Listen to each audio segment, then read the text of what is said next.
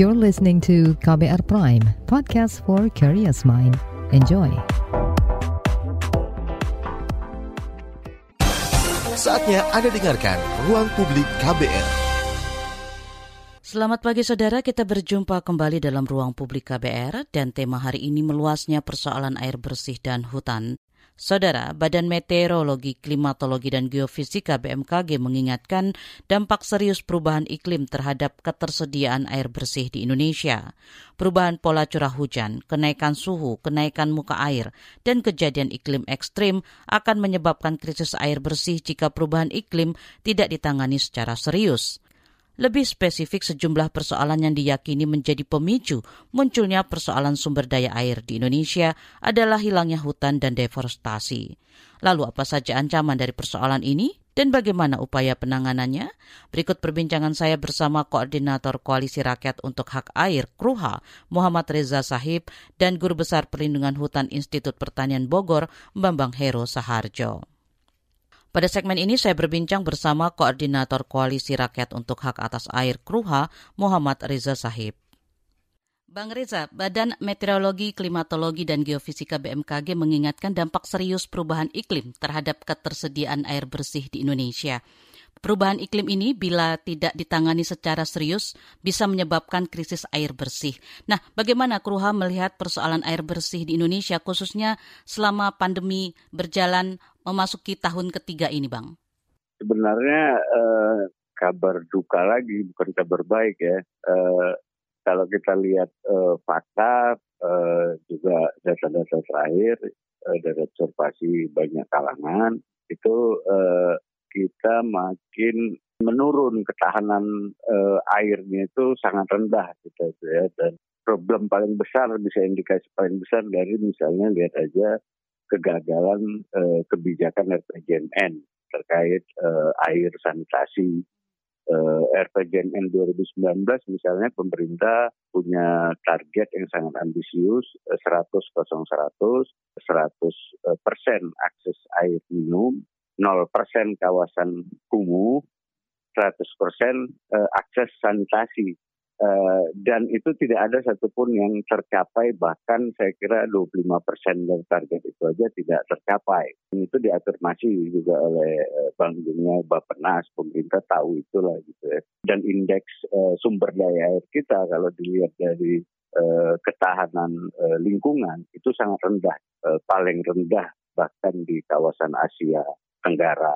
Di Asia kita itu paling rendah indeks ketahanan ekosistemnya, ekosistem air. Artinya apa? Artinya krisis air selain sebab-sebab yang sudah ada sebelumnya ya, ada alamiah, ada juga buatan manusia. Kalau kita bicara krisis iklim kan, saya kira itu udah udah menjadi afirmasi umum ya, apa namanya panel-panel badan ahli IPCC dan negara udah jadi apa namanya, ada konvensi uh, soal itu ya di dunia bahwa kita uh, makin bahkan menuju katastrofi gitu. Uh, situasinya akan makin drama lebih sulit bagi manusia untuk bisa bertahan hidup di tengah uh, krisis iklim yang sedang terjadi dan yang paling terasa tentu saja air. Air dia bisa di hulu, bisa di hilir. Artinya air itu cara air diperlakukan itu juga bisa mengakibatkan uh, pemanasan global dan uh, menyebabkan uh, pola perubahan cuaca yang pola perubahan cuaca itu ditandai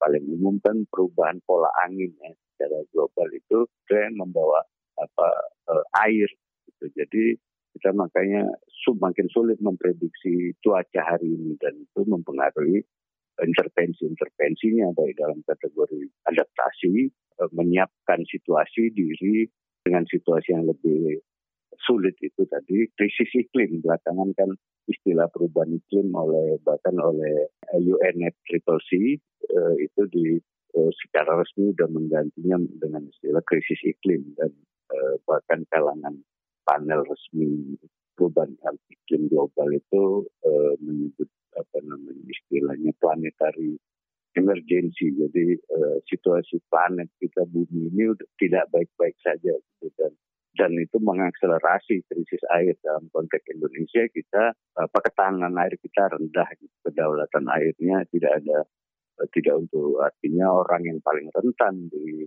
struktur masyarakat Indonesia itu menerima dampak yang berlapis dibanding orang yang secara ekonomi uh, lebih baik gitu di situ jadi uh, terus kita masuk ke pertanyaan soal negara soal kebijakan nah kalau kita lihat di situ uh, apa namanya tidak ada yang banyak berubah. Kalau kita lihat dari intervensi-intervensi kebijakan malah memperdalam krisis uh, iklim dan krisis air kita sendiri gitu. Uh, sumber misalnya kita lihat ya belakangan yang cukup kontroversial setelah undang-undang air nomor uh, 17 2019 uh, yang se, se nah apa namanya ya, seiring kira-kira uh, arahnya suara itu dengan omnibus law yang juga kontroversial.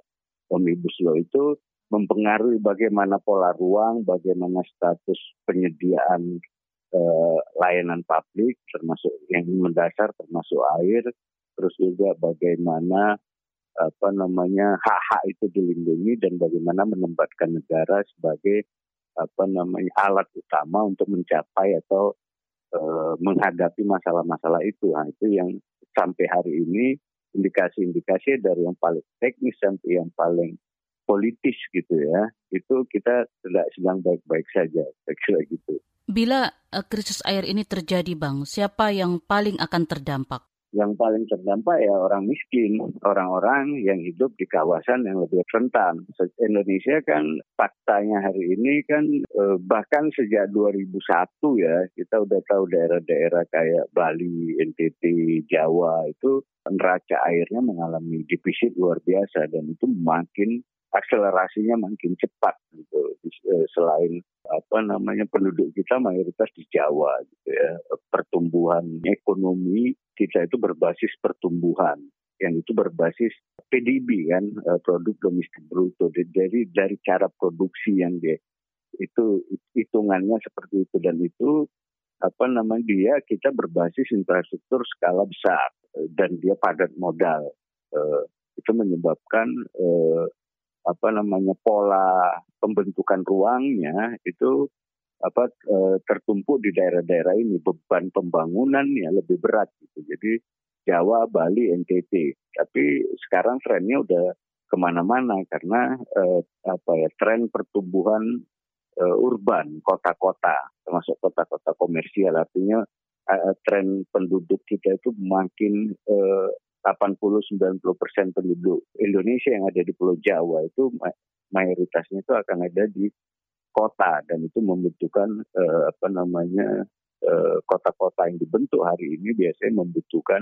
demand airnya tinggi gitu. Sementara ketersediaannya itu makin langka.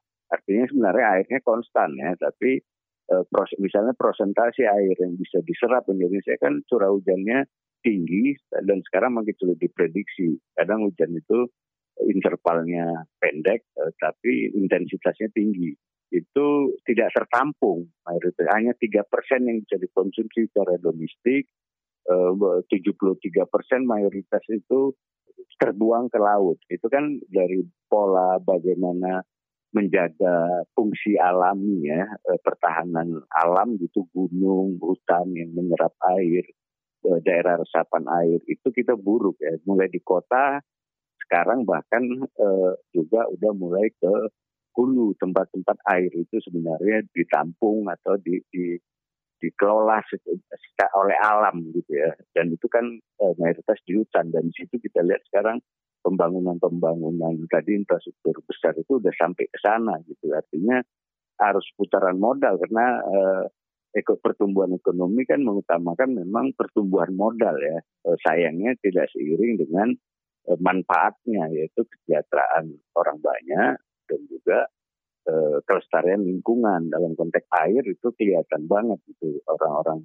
paling miskin apalagi hidup di daerah-daerah paling rentan tadi yang secara alami sudah hidup dalam apa ya uh, udah krisis air gitu itu uh, makin rentan. Kalau di perkotaan uh, misalnya uh, apa, perempuan di perkotaan yang hidup di kawasan yang sering disebut pemerintah tadi kumuh mau di mau dimusnahkan 0% target pemerintah kan itu kan terkait target RPJMN bisa kita lihat terkait target RPJMN uh, air dan sanitasi. Jadi 100 kosong 100 yang saya bilang tadi 100 persen akses air bersih.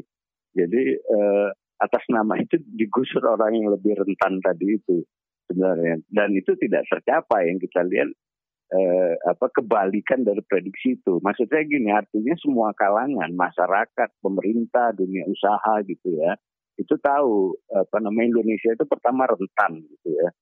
Eh, dan tapi pola pembangunannya, pola pertumbuhannya juga menambah kerentanan itu gitu. Ekonominya, cara ekonomi itu dikelola itu sangat rakus sumber daya alam dan abai terhadap kelestarian air juga saya kira gagal ya memproteksi orang-orang yang perlu dilindungi. Fungsi negara paling mendasar itu kan e, melindungi yang kecil, membatasi yang besar. Nah, situasi itu saya kira kita bisa sama-sama tahu hari ini ya eh, bagaimana orang yang diproteksi pemerintah itu kan tidak sampai 10 persen yang sering kali disebut dalam proyek perlindungan eh, sosial gitu kan dan itu sama sekali tidak memasukkan parameter-parameter misalnya indeks water property index bagaimana pengelolaan air yang buruk itu menyebabkan memperdalam jurang kemiskinan juga sekaligus apa ya sebenarnya kerugian-kerugian ekonomi yang harus ditanggung secara bersama itu tinggi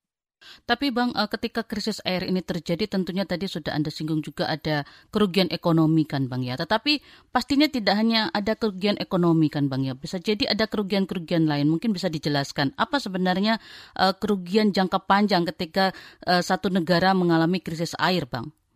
Gini, ada efek yang berlapis ya. Pertama gini dia krisis air kita itu kan tadi saya katakan bukan kita kurang air, tapi manajemennya yang buruk dan e, arah ekonomi dibangun itu memperburuk itu artinya mengabaikan aspek ekonomi termasuk aspek kemanusiaan. Kerugian finansial ada ekonomi, ada juga kerugian-kerugian yang lebih besar ya kematian. Misalnya e, sanitasi kita kan buruk banget kalau e, misalnya Jakarta sebagai kota paling besar di Indonesia ya itu potret lah bagaimana pengelolaan air itu uh, dikelola. Karena semua kota-kota yang tumbuh di Indonesia itu mengalami masalah yang sama seperti Jakarta. Macet uh, terus banjir kesulitan air gitu. Jakarta ruang terbukanya nggak sampai 30 persen. Jadi curahan hujan itu bikin masalah. 8-90 persen 95 persen bahkan bencana yang terjadi di Indonesia dalam kurun waktu berapa tahun ini bencana-bencana terkait air.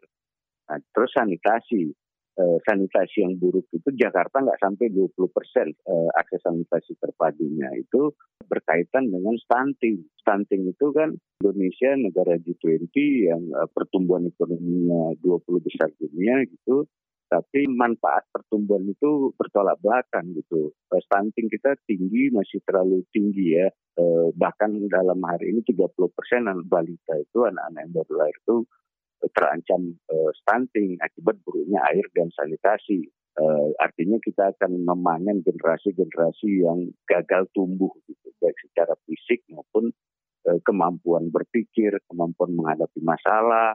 Itu secara panjang memang sumber daya manusia kita menjadi rusak. Itu sulit di, dikualifikasi kerugian secara ekonomi kalau udah begitu kan. Terus juga kita di ASEAN itu angka kematian bayi paling tinggi eh, akibat buruknya air dan sanitasi. Jadi 100 ribuan anak dan angkanya eh, saya kira makin bertambah yang nggak ada kecenderungan bisa dimitigasi eh, pengurangan itu 100 ribu anak rata-rata anak bayi, itu meninggal akibat buruknya air dan sanitasi eh, dari mulai pandemi, endemi, ya mulai diare, kolera itu kan eh, belum lagi peracunan dalam dalam air yang dikonsumsi kualitas air kita jelek banget selain eh, sering makanya indikatornya terus diturunkan dari yang namanya air hak atas air itu kan air yang harus bisa diminum mengalir 24 jam aman secara fisik dan kimia eh, dan biaya yang dikeluarkan eh, tidak berlebihan dari yang diatur. Jadi eh, secara eh, faktual memang sumber-sumber daya air permukaan kita rusak luar biasa, polusinya luar biasa tinggi. Dan itu terjadi di daerah-daerah di mana pertumbuhan ekonomi itu meningkat. Jangan ke mana-mana, tetap di ruang publik KBR. Masih Anda dengarkan ruang publik KBR. Commercial break. Commercial break.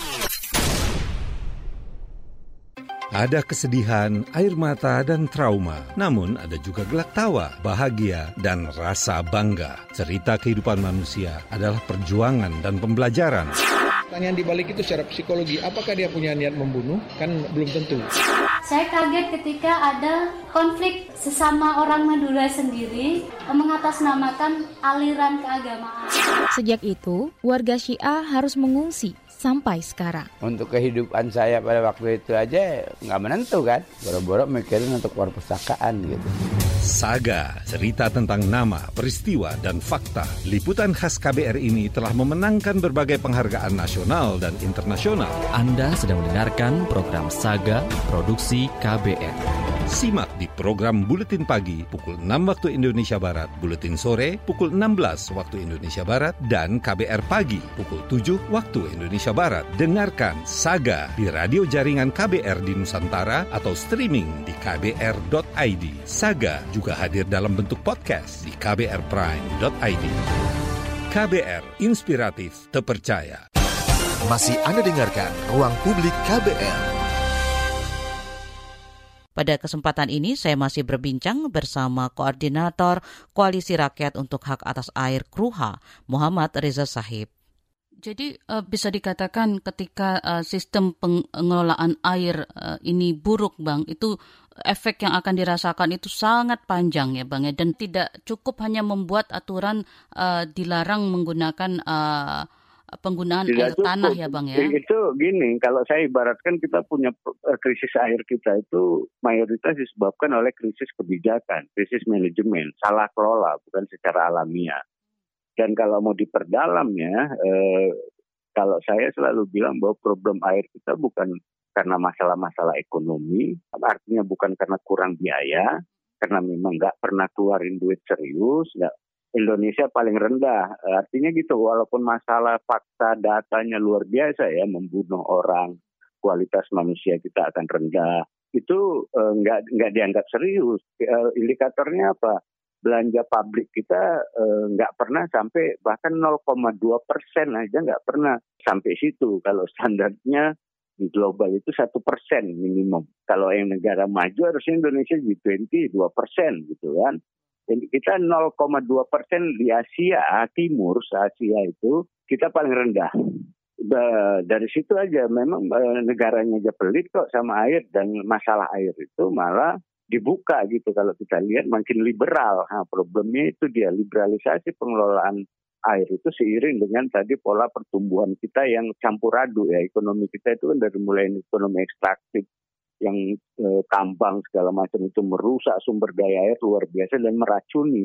Jadi di daerah tambang itu bisa kita lihat nanti bahkan bu, eh, bukan cuma mineral logam ya, tambang air itu kayak di air minum dalam kemasan eh, ada beberapa penelitian bahkan di Klaten ya itu penggunaan air tanah eh, apalagi untuk anak yang masa pertumbuhan kecil itu itu tingkat kecerdasannya akan berbeda misalnya dengan yang pakai air permukaan yang masih bagus. Di Indonesia yang masih tersedia itu hanya air hujan. Tapi daerah penampungannya udah nggak ada kota di beton semua, hutan dihabisin untuk tambang, pariwisata, status daerah-daerah konservasi ekosistem air kita terus di, diturunkan jadi hutan produksi apa bahkan di taman nasional ada tambang bahkan tambang emas tambang panas bumi boleh masuk daerah-daerah ekosistem utama yang paling sakral air, makanya di daerah-daerah itu bahkan titik bencana makin tinggi. Jadi saya mau bilang problemnya uh, politik sebenarnya. Uh, niatnya nggak kelihatan. Niat paling uh, paling standar bisa lihat tadi belanja pabriknya aja nggak sampai apa namanya dan itu kejepit di sektor apa namanya di anggaran uh, infrastruktur kalah sama jalan jembatan kita lihat ya jadi air selalu marginal, nggak dianggap penting, tapi masalahnya selalu dibicarakan. Itulah uh, dilema kita gitu. Itu makanya kadang kita sering disebut apa banyak yang menyebutnya apa kutukan sumber daya air yang berlimpah kita karena salah dikelola jadi sumber masalah, sumber bencana, sumber kematian yang membunuh banyak orang termasuk apa penurunan kualitas manusia yang luar biasa air dan sanitasi itu paling pokok gitu. Kalau generasi yang stunting, generasi 30 persen generasi ke depan kita ini stunting ya kita masalah biaya penanganannya segala macam dan bukan cuma biayanya ya. Nah, itu ada masalahnya juga semua diukur cara kacamata ekonomi. Tapi kita sedang melihatkan bagaimana eh, kita sedang melihat bagaimana bahwa pendekatan ekonomi makroekonomi itu gagal menyelesaikan problem-problem eh, manajerial pengelola tata kelola air gitu. Malah memperburuk gitu loh. Daerah terbuka hijaunya makin habis deforestasi makin parah bahkan kita mau bikin ibu kota di daerah yang ya itu itulah kita lihat di daerah yang belum ada bangunan konstruksi apa-apa aja sumber airnya sudah eh, crowded banget gitu. Eh, limbah akibat tambang terus perkebunan itu. Jadi eh, pen, apa ya itu degradasi uh, kualitas air permukaan itu luar biasa gitu. Mayoritas sungai-sungai dan utama rusak. Terus uh, itu menyebabkan uh, tadi tadi kalau di perkotaan kan disedot habis-habisan kalau di wilayah tambang uh, industri ekonomi ekstraktif lah ya mulai tambang konvensional sampai resort uh, pariwisata sampai perkebunan monokultur itu kan semua rakus air Nah itu dan uh, apa namanya uh, ya sama Bali NTT itu penggunaan air tanahnya gila-gilaan bahkan secara tanda kutip didorong ke arah sana dan itu gratis gitu loh. Bayangkan misalnya ada satu perusahaan tambang yang punya uh, apa namanya IUP sampai 20 ribu hektar gitu ya, dia uh, nggak bayar pakai airnya itu sementara begitu tanah itu dibongkar untuk menggali eh, material tambang eh, itu itu saja sudah menghancurkan ekosistem air tadi. Bahkan kayak di Kendeng kita lihat ya.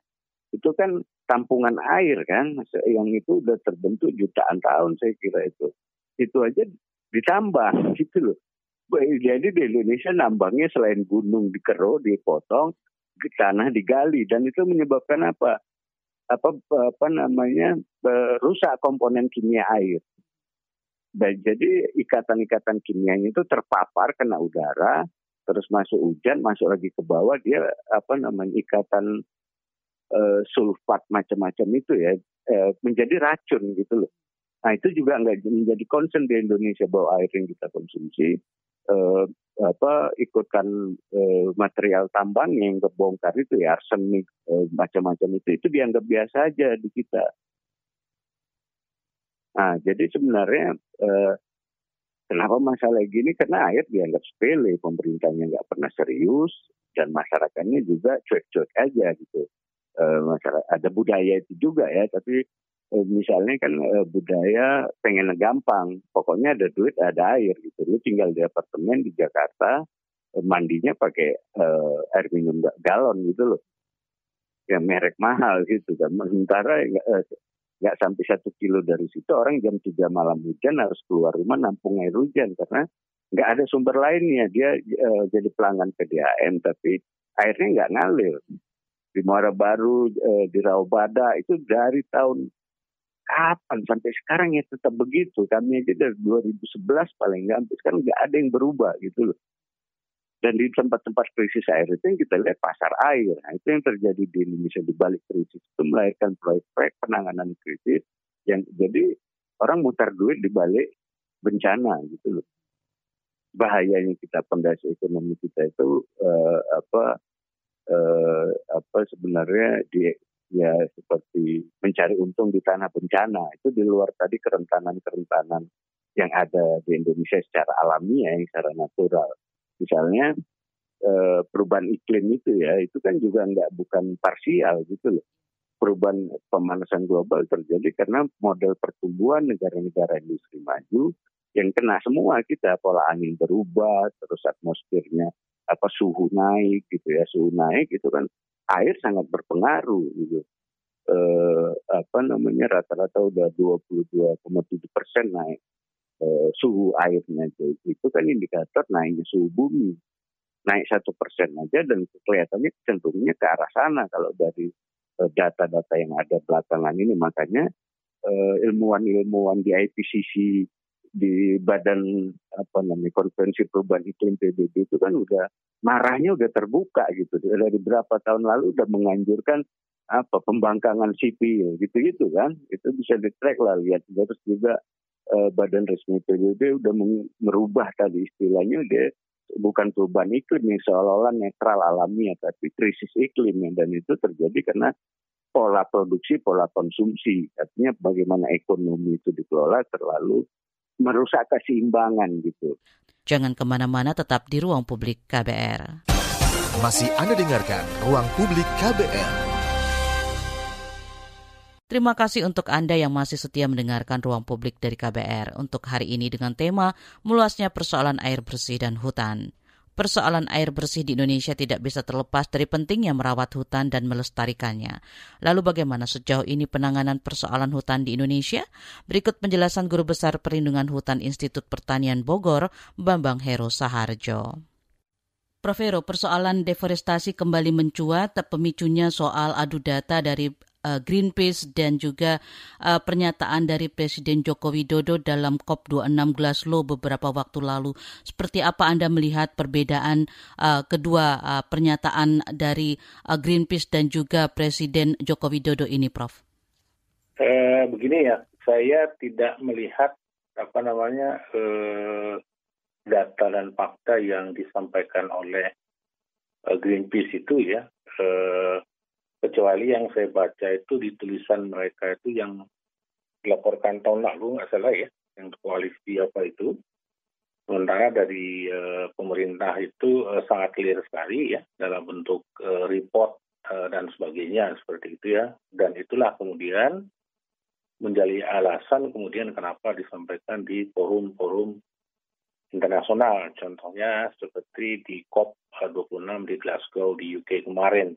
Dan itu eh, bagi Indonesia merupakan suatu apa ya suatu keharusan untuk melaporkan itu. Karena di pertemuan-pertemuan seperti itu eh, setiap negara itu diminta untuk ya katakanlah menyampaikan apa nama apa yang telah mereka lakukan. Dan untuk Indonesia seperti yang eh, publik ketahui memang banyak diapresiasi oleh negara-negara lain ya termasuk negara-negara besar apa yang telah dilakukan termasuk misalnya mengurangi eh, deforestasi dan kemudian termasuk juga urusan karhutlah. Kebetulan saya sendiri juga eh, paparan juga ya di Papil Indonesia eh, bagaimana Indonesia berupaya ya dengan sekuat tenaga untuk menurunkan eh, apa namanya terjadi kebakaran sehingga berujung kepada pengurangan emisi. Nah, kalau menurut saya Eh, kalau kita ingin mem memaparkan data dan fakta itu itu apalagi menyangkut uh, deforestasi ini kan isu yang sensitif seperti itu ya. Jadi yang pertama itu uh, harus digunakan data itu ilegal, data itu adalah legal.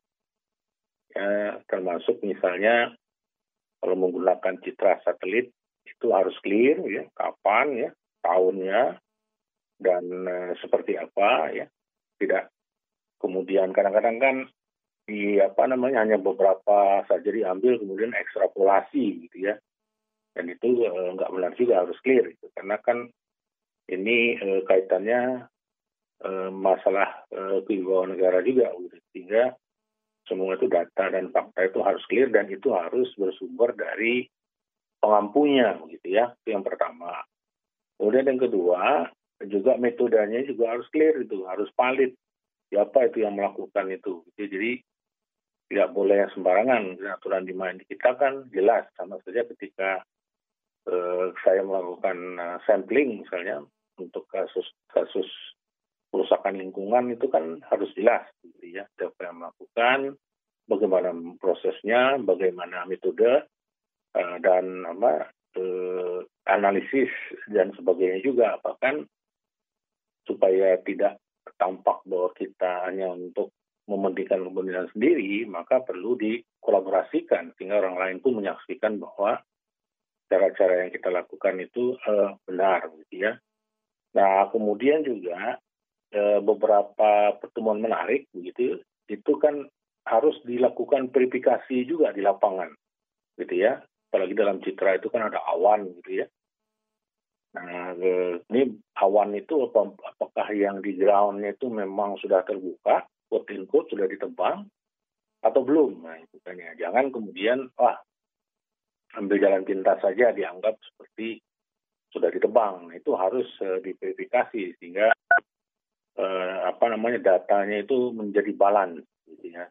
Dan itu harus di dipertanggungjawabkan, direkonstruksi sehingga pada akhirnya dipastikan seperti apa kondisi lapangan sehingga harus ada uh, apa namanya check and recheck ya. Dan terakhir tentu saja juga harus di dilaporkan uh, dengan benar ya sesuai dengan uh, uh, apa namanya timingnya kapan waktu itu uh, terjadi misalnya sejak kapan gitu kan ya periodenya kan ada dan kalau menurut saya sih uh, apa namanya tidak perlulah di periode ini periode itu itu kan apa namanya ada niat-niat tertentu lah untuk dipublikasi kalau menyebutkan itu gitu ya.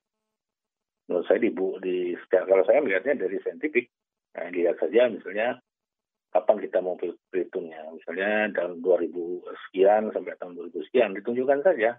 Sama seperti kami merekonstruksi eh, kejadian kebakaran misalnya untuk melihat apakah perbuatan itu memang accident atau by design itu akan kentara sekali ya. sehingga di, disampaikan ya sehingga artinya apa artinya kalaupun nanti ada yang akan melakukan cross check sehingga mereka e, mengikuti dan tahu alur yang digunakan seperti itu kecuali kalau memang ada ada cara-cara lain yang yang apa yang digunakan sehingga tidak tidak balance.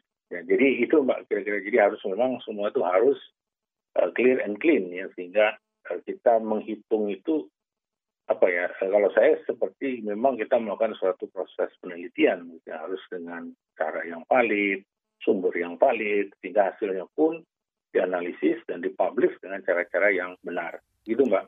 Tetapi bila dari data yang sudah valid, clean and clear, tetapi bisa memungkinkan cara membacanya berbeda nggak Prof? Ya itu dia maksud saya, makanya saya bilang tadi, kalau dimaksud dengan membaca cara berbeda, itu harus dirunut. Ya, eh, misalnya eh, seperti misalnya kejadiannya dilakukan proses itu di 2015 misalnya. Nah pertanyaannya di ketika dia melakukan 2015 itu izinnya itu sejak kapan gitu kan ya? Apakah sejak 2013? Apakah sejak 2014? Apakah sejak 2015 seperti itu? Nah sehingga ketika di blame di 2015 kan nggak bisa juga begitu ya sama seperti misalnya kita mengajukan proses apa misalnya eh, permohonan sesuatu izin ya kan ya? Izin iup misalnya atau izin apalah itu kan itu kan tidak hari itu uh, diajukan kemudian hari itu selesai kan ada ada waktunya gitu kan harus uji coba dulu harus apa. Nah itu harus harus dilihat jangan sampai nanti ya seperti orang apa namanya eh, sertijab gitu ya dan kemudian bapak itu baru kerja dua hari langsung apa namanya PR-nya satu meter di meja kan nggak lucu juga. Itu ada proses-proses sebelumnya. Nah itu yang harus harus secara clear dan clean data itu. Ya karena e, menyangkut isu deforestasi itu tidak semata-mata hanya yang apa namanya yang ter e, terdata saja ya begitu ya. Ada juga yang yang ilegal gitu. Ilegal itu maksudnya kan kita kembali ke definisi mau definisi yang mana ini ya apakah definisi yang ada di Indonesia misalnya yang terakhir itu Permenal HK nomor 70 tahun 2017 jadi yang eh, kawasan hutan eh, dirubah menjadi apa kawasan hutan non hutan menjadi tidak permanen atau menjadi apa seperti itu. Nah ini ini harus dipegang. Nah misalnya contoh seperti ini misalnya kita lihat misalnya Taman Nasional lah ya kita lihat di Taman Nasional Kesumiso apa dan sebagainya itu. Nah itu kan tiap tahun kan bergerak terus perluasannya begitu kan. Nah pertanyaannya eh, apa namanya eh, upaya apa yang telah dilakukan untuk mencegah itu meluas dan itu kapan terjadinya? Kan ada ada periode waktunya seperti itu ya. Jangan kemudian kita melihatnya di ujung saja, oh pada tahun sekian ini sekian, maka tahun itulah yang paling banyak. Tidak. Ya harus, makanya saya bilang tadi harus transparan. Katakan misalnya terjadi 2015 sekian, 2014 sekian, 13 sekian, 16, 17 sekian itu sehingga dari itu clear itu yang yang apa yang ilegal kan sekarang juga ada itu kan ya yang ada apa e, komoditas tertentu yang diharamkan ada di atas kawasan hutan sekarang jutaan hektar ada di situ gitu. Nah itu kan tidak terjadi pada tahun itu saja. prosesnya itu kan sudah ada beberapa tahun-tahun yang lalu gitu kan ya. Seperti misalnya sekarang contoh Tesonilo itu sudah, sudah hampir 80 persen itu sudah isinya sudah sudah bukan uh, pohon lagi kawasannya sudah komoditi yang lain seperti itu. Pertanyaannya kan apakah uh, dalam waktu dua tahun kan tidak. Nah itu kan ada kurun waktu. Makanya saya bilang tadi hasil citra itu harus di, disesuaikan dengan verifikasi lapangan. Gitu. Misalnya pada tahun sekian itu 2015 misalnya pada 2016 itu sekian loh gitu. Nah, 2016 sekian, 2017 sekian, 2013, 2014 dan sekian.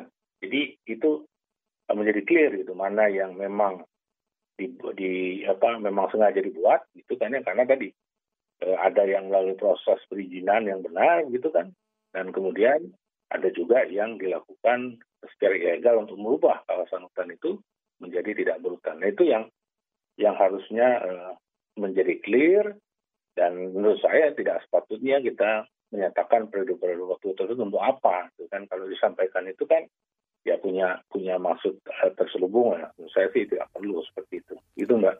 Tapi dalam lima tahun terakhir ini kalau Anda sendiri mengamati itu sebenarnya seperti apa kondisi deforestasi di Indonesia, Prof?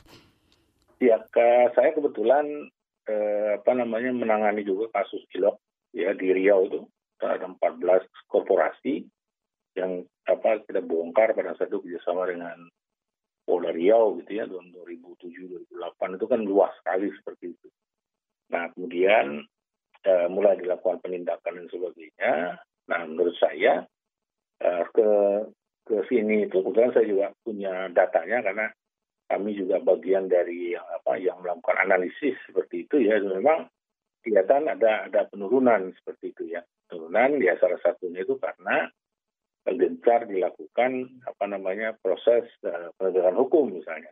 Seperti misalnya eh, apakah terhadap iloknya begitu ya apakah terhadap apa namanya eh, penguasaan area secara ilegal kebakaran sebagainya dan tidak hanya eh, apa namanya sanksi eh, administrasi pidana maupun perdata. Nah kalau saya melihat memang eh, trennya itu eh, menurun begitu. Nah, yang yang apa yang saya ketahui. Itu Mbak. Jangan ke mana-mana tetap di ruang publik KBR. Masih Anda dengarkan Ruang Publik KBR. Commercial break. Commercial break.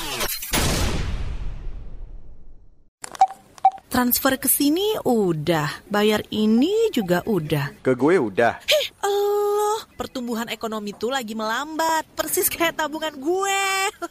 Betul banget harus matang ngelola keuangan. Pengennya tuh investasi sesuatu gitu ya. Apa gitu yang cocok dan menguntungkan? Hmm, coba dengerin uang bicara deh. Gue belakangan lagi dengerin podcast itu di KBR Prime reksadana yang tadinya 500 juta udah turun dari 250 juta sekarang 10 ribu. Sama kita ngopi mahalan mana?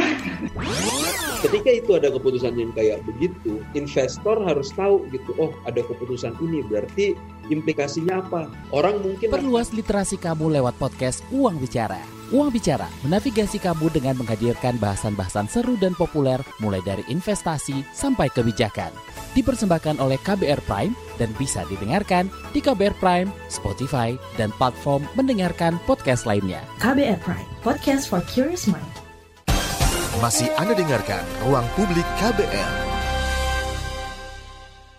Saudara kita tiba di bagian akhir ruang publik KBR hari ini dan bagi Anda yang tidak sempat mendengarkan siaran ini secara utuh, bisa mendengarkannya kembali di podcast kbrprime.id lalu pilih ruang publik. Di segmen ini kita masih akan menyimak penjelasan guru besar Perlindungan Hutan Institut Pertanian Bogor, Bambang Heru Saharjo. Misalnya dari kabupaten, eh, ada kan misalnya ada satu pulau, itu dulu hanya satu provinsi, gitu kan ya. Oh, ternyata terlalu besar, dan kemudian apa namanya eh, banyak hal-hal yang harus ditangani ternyata tidak pecah lagi. Eh, jadi dua begitu. Kabupaten juga begitu kan? Ada kabupaten misalnya saya menangani beberapa kasus di Riau itu kabupaten A itu besar sekali. Kemudian pecah lagi pecah lagi pecah lagi pecah lagi. Nah itu kan tentu saja pada akhirnya itu akan mengganggu konsentrasi keberadaan kawasan hutan. Karena kebetulan mereka memang berada di wilayah itu ya misalnya mulai mulai dari pembangunan jalan gitu kan pasti akan menembus itu misalnya seperti kasus di Tesomilo misalnya mereka membuka jalan gitu kan ya dan kemudian tentu saja akan akan disturb seperti itu mulai ramai lah kiri kanan jalan. Nah kemudian membangun pemukiman membangun kemudian apa namanya eh, apa namanya kebutuhan pangan papan dan sebagainya dan karena di wilayah itu juga misalnya banyak tambang dan sebagainya yang itu juga menjadi salah satu apa namanya eh, sumber penghasilan atau sumber untuk uh, pertumbuhan ekonomi di wilayah tersebut mau tidak mau kan akhirnya membuka itu gitu ya. Nah jadi eh, dengan cara-cara seperti itu maka eh, apa namanya pada wilayah-wilayah yang yang katakanlah sedang melakukan perluasan wilayah misalnya ekspansi atau pemekaran dan sebagainya ya tentu saja eh, wilayah-wilayah kawasan hutan yang selama ini belum tertentu itu akan menjadi sasarannya gitu. Kenapa? Karena ya di wilayah-wilayah itulah beberapa apa namanya eh, kepentingan atau kebutuhan itu harus diproses. Jadi banyak hal mbak tidak hanya semata-mata kemudian hanya ilok saja atau kebakaran saja itu kan ekses ya ekses artinya memang di luar dari yang legal ini tadi ternyata tidak sedikit juga ada yang memanfaatkan untuk kepentingan-kepentingan ya quote unquote yang tidak jelas tadi itu. Misalnya dengan ilok misalnya kemudian tanam ino itu ya. Kemudian ada lagi misalnya apa uh, apa namanya istilahnya sekarang itu uh, bukan penguasaan wilayah lah kemudian seperti itu. Sehingga akhirnya uh, di luar daripada yang ditargetkan ternyata itu meluas. Nah, termasuk juga misalnya kita lihat beberapa daerah misalnya di, di daerah yang banyak hutannya ya. Ya seperti misalnya di Papua di apa kan kelihatan juga itu ya. Dari kalau mbak cek nanti di peta itu Eh, wilayah-wilayah yang deforestasinya tinggi itu adalah wilayah yang memang sedang dibuka, sedang dimekarkan gitu ya. Nah, sehingga eh, apa namanya menurut saya itulah yang kemudian eh, saya sepakat bahwa kita tidak bisa kemudian membuat deforestasi itu menjadi nol gitu ya karena akan berhadapan dengan seperti ini. Nah, saya sambung juga dengan COP26 yang detik-detik terakhir itu bagaimana India itu tidak sepakat dengan ya, negara-negara maju. Negara maju misalnya kan ingin menghapus batu bara itu kan ya. Nah, tetapi India menyatakan bahwa kami tidak sepakat dengan itu karena ternyata negara-negara miskin dan negara-negara sedang berkembang itu membutuhkan itu. Nah, sementara Anda misalnya negara maju itu tidak mau membantu untuk mengganti apa namanya sesuatu yang harusnya kami tinggalkan itu. Nah, sehingga bahasa Inggrisnya akan dirubah. Bukan lagi apa namanya pace out, tapi menjadi pace down. Jadi mengurangi gitu. Nah, juga dalam kasus ini seperti itu, gitu Mbak. Nah, kemudian uh, dengan uh, penurunan yang disebutkan oleh Presiden Jokowi terhadap uh, angka deforestasi di Indonesia dan komitmen Indonesia untuk uh, terus menurunkan emisi gas rumah kaca, Prof. Apa uh, langkah yang bisa dilakukan uh, pemerintah dalam hal ini untuk bisa me, katakanlah menyeimbangkan antara kebutuhan untuk menurunkan emisi gas rumah kaca dengan tetap uh, kebutuhan akan pembangunan Prof? Ya, jadi gini, nah justru itulah eh, apa namanya sekarang ini kan eh, bukan sekarang, sudah beberapa tahun yang lalu sudah mulai diatur ya target-target eh, NDC tadi ya berapa sebetulnya target yang harus dicapai. Kita kan punya janji nih kepada dunia 29 persen harus mengurangi emisi ya eh, pada 2030 atas apa eh, biaya kita sendirilah. Tapi kalau bangsa atau negara lain mau bantu, ya mungkin kita bisa kurangi 41 persen pada 2030 nanti. Nah, yang jadi pertanyaan kan, ini gimana ceritanya? Nah, itu sudah sudah ada ininya, sudah ada apa kalkulasinya seperti itu. Kalau eh, kita akan mencapai target itu, maka yang dimungkinkan ya di, dimungkinkan untuk uh, di apa namanya dilakukan katakan misalnya terkait masalah apa namanya polu ini ya itu artinya tentang land use ini maka uh, setiap tahun itu diperkenankan sekian sekian hektar gitu ya sekian ribu hektar lah nah itu kemudian di breakdown nah, di breakdown sehingga ini kelihatan nanti ke apa wilayah-wilayah tertentu itu misalnya di Papua berapa, kemudian Kalimantan Sulawesi dan sebagainya. Nah, sehingga dengan begitu semua ini dikontrol gitu ya. Nah sebetulnya eh, apa namanya eh, di kita ini emisi yang besar itu bukan di situ, tapi ada di di energi dan sebagainya gitu ya. Cuma eh, karena di Indonesia khususnya ini ada hutannya, ditambah lagi dengan dengan gambut, ya gambut itu eh, plus nanti kebakarannya, nah itulah yang menjadi apa namanya eh, salah satu sumber yang yang apa yang katakan signifikan terhadap peningkatan eh, emisi eh, gas rumah kaca. Jadi artinya semua itu sudah sudah di ini sudah di apa sudah ada uh, manajemennya. Apakah kita akan melakukan seperti biasa sekarang? Biasanya silakan saja diumbar gitu. Nah, kita, nanti akan ketahuan ya bahwa ternyata di 2009 akan seperti atau kita manage. Nah, yang di manage itulah nanti akan di, di, diatur di masing-masing kementerian ketika berhubungan dengan pesantren dan sebagainya. Oh ini tugasnya nanti KLHK. Nah ini di breakdown nanti. Dan di Kementerian Pertanian seperti ini. Kemudian lagi nanti di energi misalnya. Untuk kayak kemarin kami lihat presentasi mereka di mana? Di Papua Indonesia itu Pertamina, begini PLN, begini tambang seperti itu. Nah semua itu sudah sudah sudah jelas uh, alokasi dan sebagainya dengan target nanti pada 2030 itu paling tidak 29 persen itu bisa tercapai dan mungkin lebih gitu mbak. Jadi semua ini sudah sudah apa sudah di, dikalkulasikan karena seluruh negara itu harus menyampaikan itu gitu ya untuk uh, apa diketahui juga oleh publik bahwa kita bagian dari solusi dan bukan dari bagian dari masalah gitu, gitu mbak. Berarti pengawasan di lapangan ketika ini dilakukan itu sangat penting dan termasuk regulasinya begitu ya Prof ya? Oh ya, ya, ya. Saya contoh misalnya uh, salah satu isu uh, sekarang ini saya kebetulan hadir di mana di COP di 26 kemarin di Glasgow dan kemudian yang ke sebelumnya di Madrid Spanyol. Jadi di situ memang seperti saya katakan tadi bahwa kita ini bagian dari publik nasional itu tidak bisa beri, apa, bersembunyi gitu ya. Di mana pun kita tuh akan selalu dilihat. Apalagi beberapa negara-negara yang mulai masuk ke apa ke dunia internasional dan sebagainya. Apalagi kita misalnya masuk G20 itu itu diintip gitu ya diintip. Jadi ini kelakuan negara ini seperti apa? Ini benar nggak nih? Nah contoh misalnya di 2019 itu saya ingat sekali di Papua Indonesia di di Madrid Spanyol itu pas Presiden Amerika Al Gore bilang eh Indonesia hati-hati ya katanya kebakaran yang terjadi di Anda itu di 2019 itu hanya 1,6 juta hektar.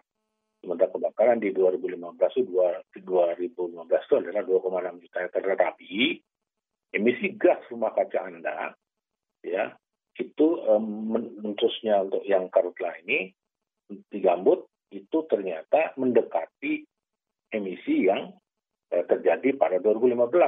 Karena apa? Karena yang terbakar itu adalah gambut. Nah, kan seperti itu ya. Nah, artinya apa? Artinya bahwa kita nggak bisa bilang Mbak Ibu begini dan sebagainya gitu ya. Dan harus transparan gitu. Nah, kan coba bayangkan oleh Mbak misalnya, kalau kita ngarang-ngarang itu kayak apa lagi gitu kan. Nah, tapi kita sudah, sudah lakukan apa namanya eh, kegiatan regulasi dan sebagainya sudah beberapa tahun yang lalu. Terus misalnya untuk gambut.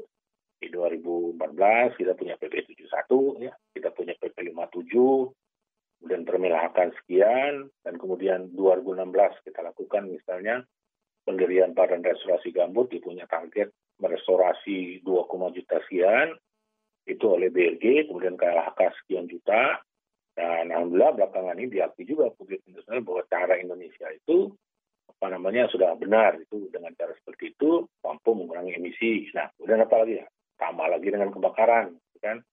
Dan kebakaran itu banyak orang bilang memang oh karena karena apa? Lanina iya tidak dihubungi. Cuma permasalahannya yang kebakar di, tidak di lanina juga kan banyak juga kemudian. Kalau itu kita biarkan mungkin emisinya akan besar lagi. Nah sekarang kan bisa dilihat upaya yang dilakukan oleh pemerintah itu kan sudah sudah well recognized gitu ya mulai dari pendirian badan apa regional untuk mengendalikan perubahan iklim, kemudian ditambah lagi dengan lakumnya pidana perdata dan sebagainya. Sekarang menurut saya wajar kemudian kita dapatkan di ujung itu bahwa memang terjadi pengurangan apa namanya eh, kebakaran ya dan berujung pada pengurangan emisi karena tadi tindakannya itu tidak hanya sekedar memadamkan atau tidak sekedar hanya ini banyak kegiatan-kegiatan lain apakah dilakukan oleh kementerian oleh instansi perguruan tinggi termasuk oleh masyarakat yang berujung pada pengurangan gas kebakaran pengurangan emisi jadi begitu mbak jadi tidak ada solusi hanya satu tidak ada jadi eh, semua ini harus ikut terlibat siapa pun. Gitu. Karena kita berharap sekali lagi kita adalah bagian dari solusi bukan bagian dari masalah. Saudara demikian ruang publik KBR hari ini dengan tema meluasnya persoalan air bersih dan hutan. Terima kasih untuk kebersamaan Anda di pagi ini. Saya Fitri Anggreni undur diri. Salam. Baru saja Anda dengarkan Ruang Publik KBR. KBR Prime, cara asik mendengar berita. KBR Prime, podcast for curious mind.